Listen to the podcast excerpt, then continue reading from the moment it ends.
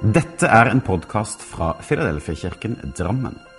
Vi ønsker å være en kirke for alle generasjoner gjennom alle sesonger i livet. Vi håper denne talen vil skape noe godt, og at du kan finne både håp, trøst og styrke i den kristne tro. Les mer om vår kirke på filadelfiadrammen.no. Å, som jeg har gleda meg til å dele Guds ord med dere i dag. Dette er faktisk ord jeg har gått og båret på siden februar. Så jeg håper dere vil bli velsignet av det jeg skal dele. Dere må gjerne lytte til Einar Nymoens online preken, som var den 6. juni, pinsen og livet. For han har også tatt utgangspunkt i Johannes 4 om den samaritanske kvinnen. Og det vil jeg også snakke om i dag. Det blir et bibelstudium. Og Guds ord er jo det aller beste vi kan ta til oss. Er det ikke? Den samaritanske kvinnen hadde ikke den åndelige forståelsen. Hun kjente ikke Kristus, men hun hadde en hunger. Og hun sa, 'Herre, slikt vann vil jeg ha. Jeg vil gjerne slippe å bli tørst igjen.' Da trenger jeg heller ikke å komme hit for å hente vann opp av brønnen igjen og igjen. Samaritanerne, de ventet på at Messias, Kristus, skulle komme og forkynne dem alt. Det var flere som ventet på Frelseren. Da Jesus var åtte dager gammel, så dro Maria og Josef til Jerusalem. Og der møter de Simeon, en gudfryktig mann, i tempelet. Den hellige ånd var over Simeon, og han skulle ikke dø før han hadde sett Herren Jesus Kristus. Og jeg ønsker å lese derfra. Og der står det i vers 29 til 32 fra Lukas 2.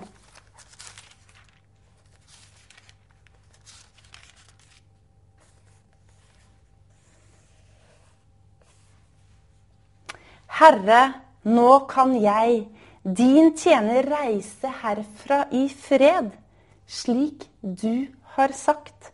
For med egne øyne har jeg sett din frelse, den frelse som du har gjort ferdig for alle mennesker.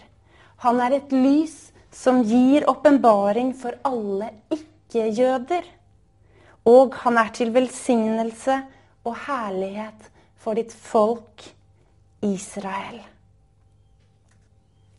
Det var også en annen flott dame i dette tempelet, profetinnen Anna. Og hun fastet og ba natt og dag i tempelet. Hun kjente Gud.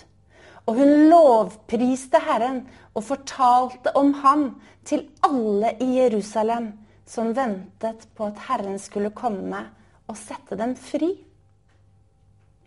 I dag så skal vi lese historien om den samaritanske kvinnen som Jesus møtte ved brønnen i en by i Samaria som blir kalt Sykar. Jeg bruker hovedsakelig Hverdagsbibelen pluss. Og vi leser ifra Johannes 4, fra vers 1. Jesus i Samaria. Jesus fikk høre at fariseerne gjorde et nummer ut av at han fikk flere etterfølgere og døpte flere enn døperen Johannes. Nå var det egentlig ikke Jesus som døpte folk, men disiplene hans. Jesus dro fra Judea og tilbake til Galilea. På veien dit måtte han gå gjennom Samaria. Jeg tror det var en indre stemme, en tiltale, som sa du må gå innom Samaria. Etter hvert kom han til en by i Samaria kalt Sykar. Og byen lå nær det jordstykket som Jakob ga sin sønn Josef. Der lå også Jakobs brønn. Jesus var nå trøtt etter reisen og satte seg derfor ned ved brønnen. Det var omkring klokken tolv på formiddagen. Og mens han satt der, kom det en samaritansk kvinne for å hente vann. Jesus sa til henne, 'Kan du gi meg litt vann?' Disiplene hans hadde gått inn i byen for å kjøpe mat. Den samaritanske kvinnen svarte, 'Hvordan kan du som er jøde, snakke til meg og be meg om å få noe å drikke?' Det var nemlig vanlig at jøder ikke ville ha noe med samaritanerne å gjøre. Jesus svarte henne, hvis du bare hadde forstått Altså, I en annen bibeloversettelse står det 'kjente' hvilken gave Gud har til menneskene. Hvis du bare hadde visst hvem det er som spør deg om vann, da ville du ha spurt meg om å få noe å drikke, og jeg skulle gitt deg levende vann. Hun svarte uforstående, men herre, du har ikke noe å øse opp vannet med, og brønnen er dyp. Så her tenker man altså mer sånn logisk, bruker forstanden. Hm, hvor skulle du så få det levende vannet fra? Den samaritanske kvinnen skjønte ikke den åndelige dimensjonen av det Jesus delte. Hun kjente ham ikke. Du er vel ikke større enn vår stamfar Jakob? Det var han som ga oss denne brønnen. Både han selv, sønnene hans og dyrene deres drakk av denne brønnen. Igjen, det er kunnskap, men det er ikke kjennskap. Jesus svarte henne, alle som drikker av dette vannet, vil bli tørste igjen. Men den som drikker av det vannet som jeg gir, skal aldri i evighet bli tørst igjen.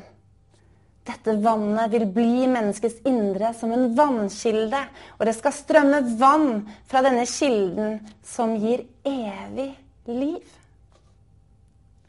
Da sa kvinnen, Herre, slikt vann vil jeg ha, jeg vil gjerne slippe å bli tørst igjen. Da trenger jeg heller ikke å komme hit for å hente vann opp av brønnen igjen og igjen. Denne samaritanske kvinnen hadde ikke åndelig forståelse, men hun hadde en hunger. Hun begriper ikke dybden av Jesu ord om det levende vann. Jesus som det levende vann. Det levende vannet, Den hellige ånd. Jesus fortsatte samtalen og sa til kvinnen, 'Kan du gå og hente mannen din?' Da svarte hun, 'Jeg har ingen mann.' Jesus sa, 'Du har rett, for du har hatt fem menn, og den mannen du har nå, er ikke din mann. Du har svart ærlig.' Jesus stiller altså et spørsmål til kvinnen. Og etterpå så taler Jesus inn i hennes liv som kan sette henne i frihet. Men da sa hun, 'Jeg forstår at du, Herre, er en profet.' Kanskje du kan forklare meg hvorfor dere jøder vil at man skal tilbe Gud i Jerusalem? Forfedrene våre brukte å tilbe på dette fjellet.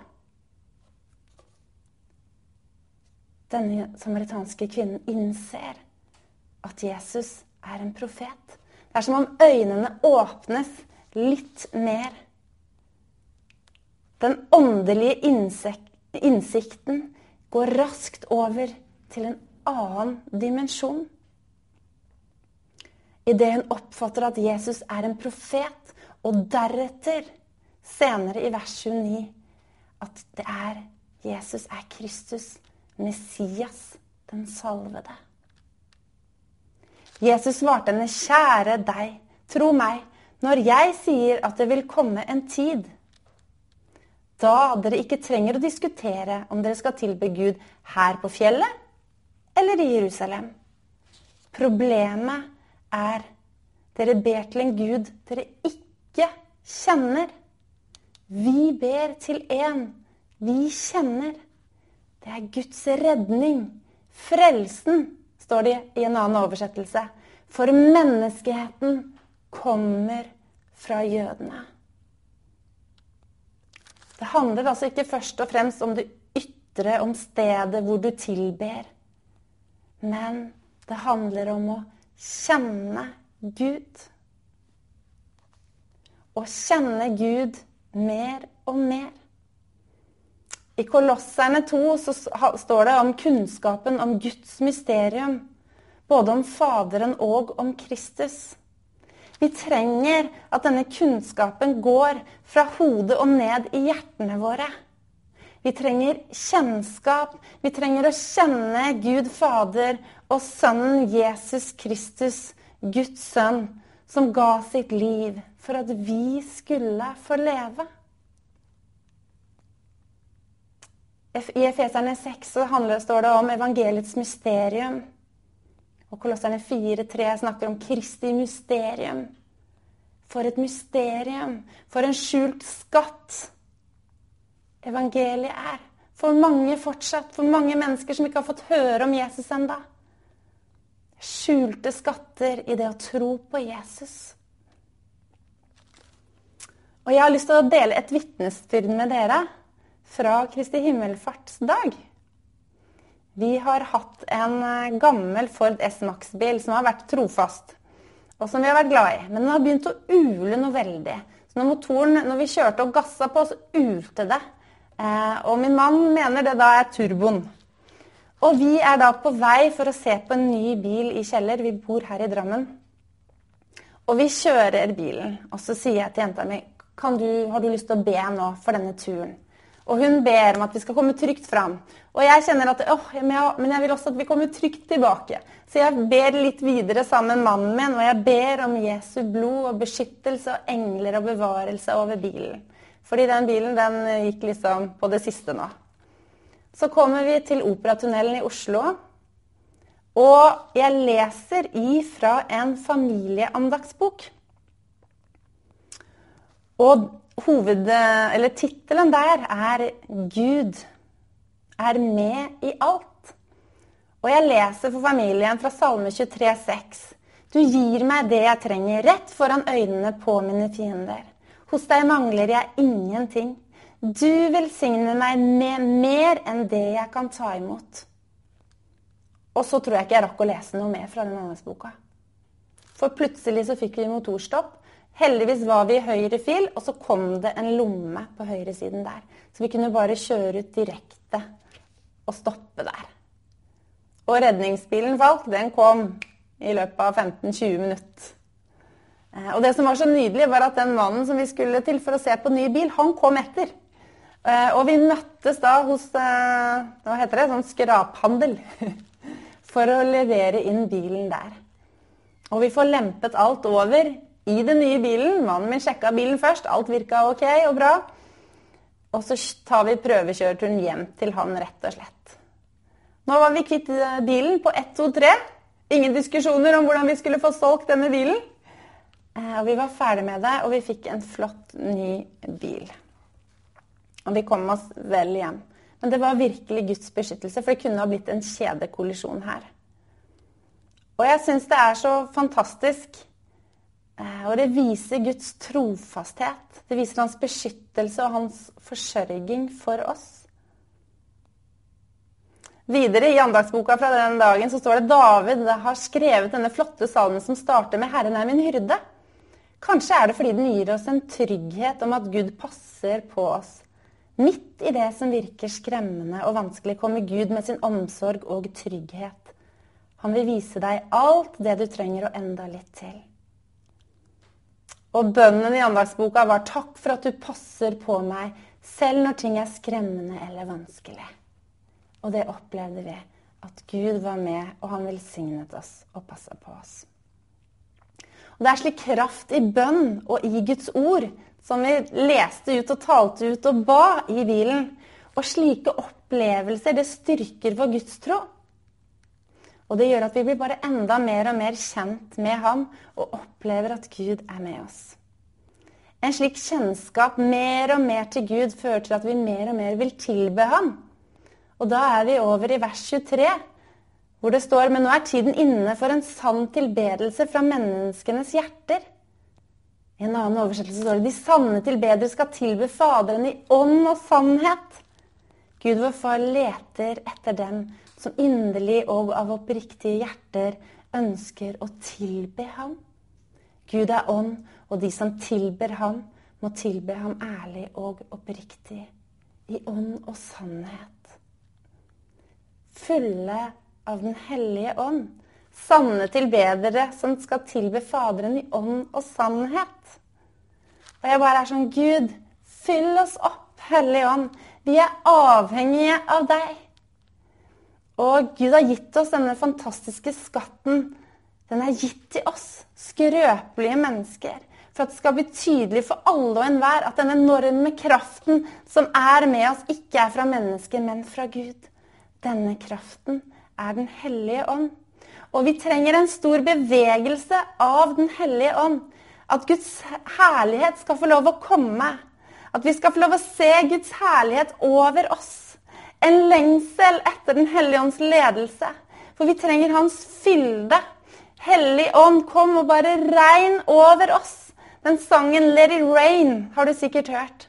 Og så skal vi få lov å gå ut og lytte til hva Gud sier til oss om hvordan han ønsker å bruke oss. Gå ut. Guds ild som brenner i våre hjerter, til å forsyne Hans ord til de rundt oss. Så sier den samaritanske kvinnen, jeg vet at vi venter på Messias, han som kalles Kristus. Når han kommer, skal han forklare oss alt. Jesus sier, 'Jeg er han som skal komme'. Du snakker med ham nå. Messias, Kristus, det er 'jeg er'. Det er Guds navn. Og Da Jesus akkurat hadde sagt dette, kom disiplene tilbake med mat. De syntes det var rart at han snakket med en kvinne. Likevel var det ingen som turte å spørre hva han ville henne, eller hvorfor han snakket med henne. Kvinnen lot vannkrukken stå igjen og gikk rett inn i byen. Der sa hun til alle hun møtte, 'Kom og se! Jeg har truffet et menneske som har fortalt meg alt jeg har gjort.' Er det mulig at han kan være den Kristus vi har ventet på.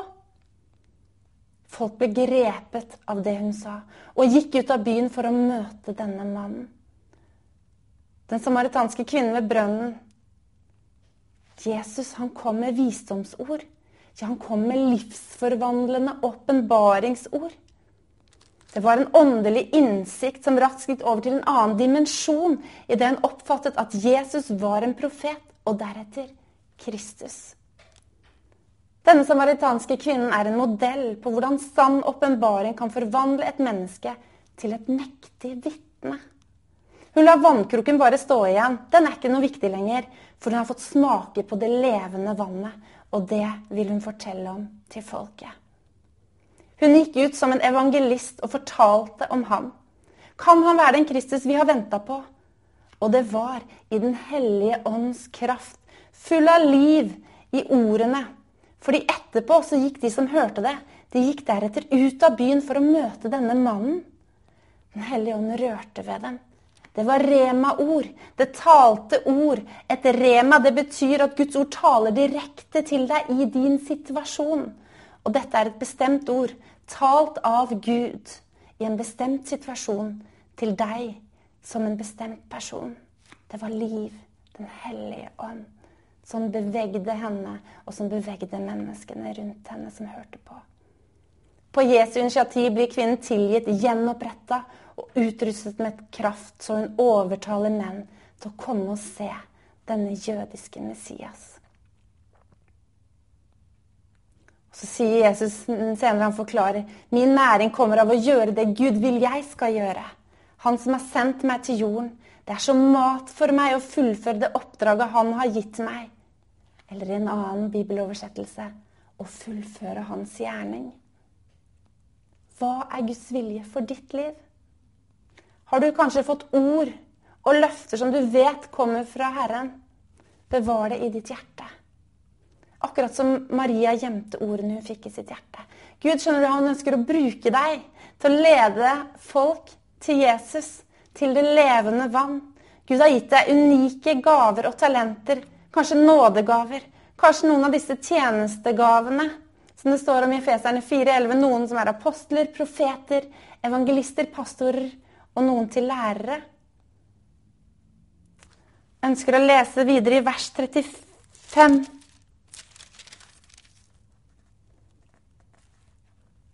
Sier ikke dere det er ennå fire måneder til vi kan høste kornet?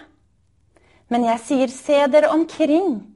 Det er en innhøstning som allerede er moden, men den må ses med åndelige øyne. For overalt er det mennesker som er modne for å ta imot Gud. Den som begynner å samle sjeler for himmelen, vil få lønn. Det er en innhøstning som gir evig liv. Både den som sår ut Guds ord, og den som høster inn sjeler, kan til slutt glede seg sammen. For slik fungerer dette. Én sår, og en annen høster.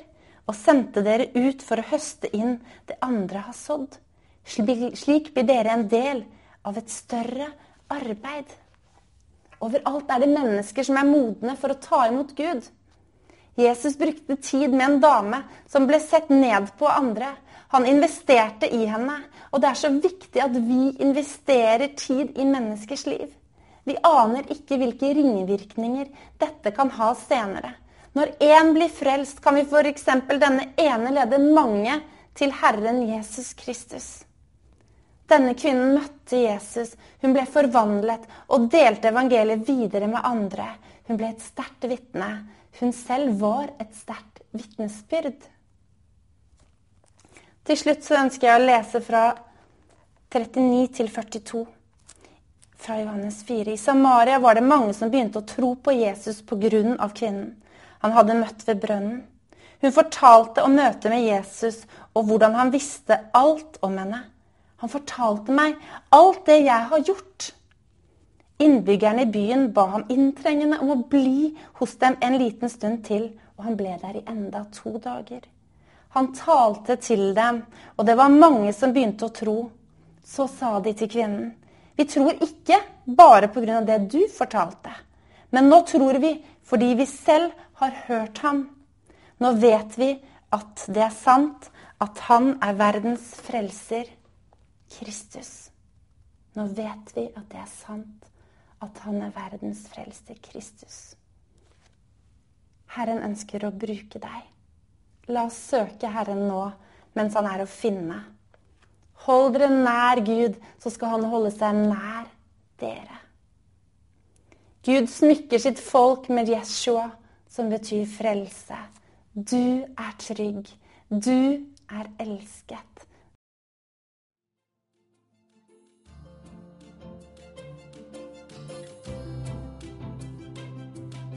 Som en avslutning på denne podkasten ønsker vi å lyse Herrens velsignelse over deg. Herren velsigne deg og bevare deg. Herren la sitt ansikt lyse over deg og være deg nådig. Herren løfte sitt åsyn på deg og gi deg fred.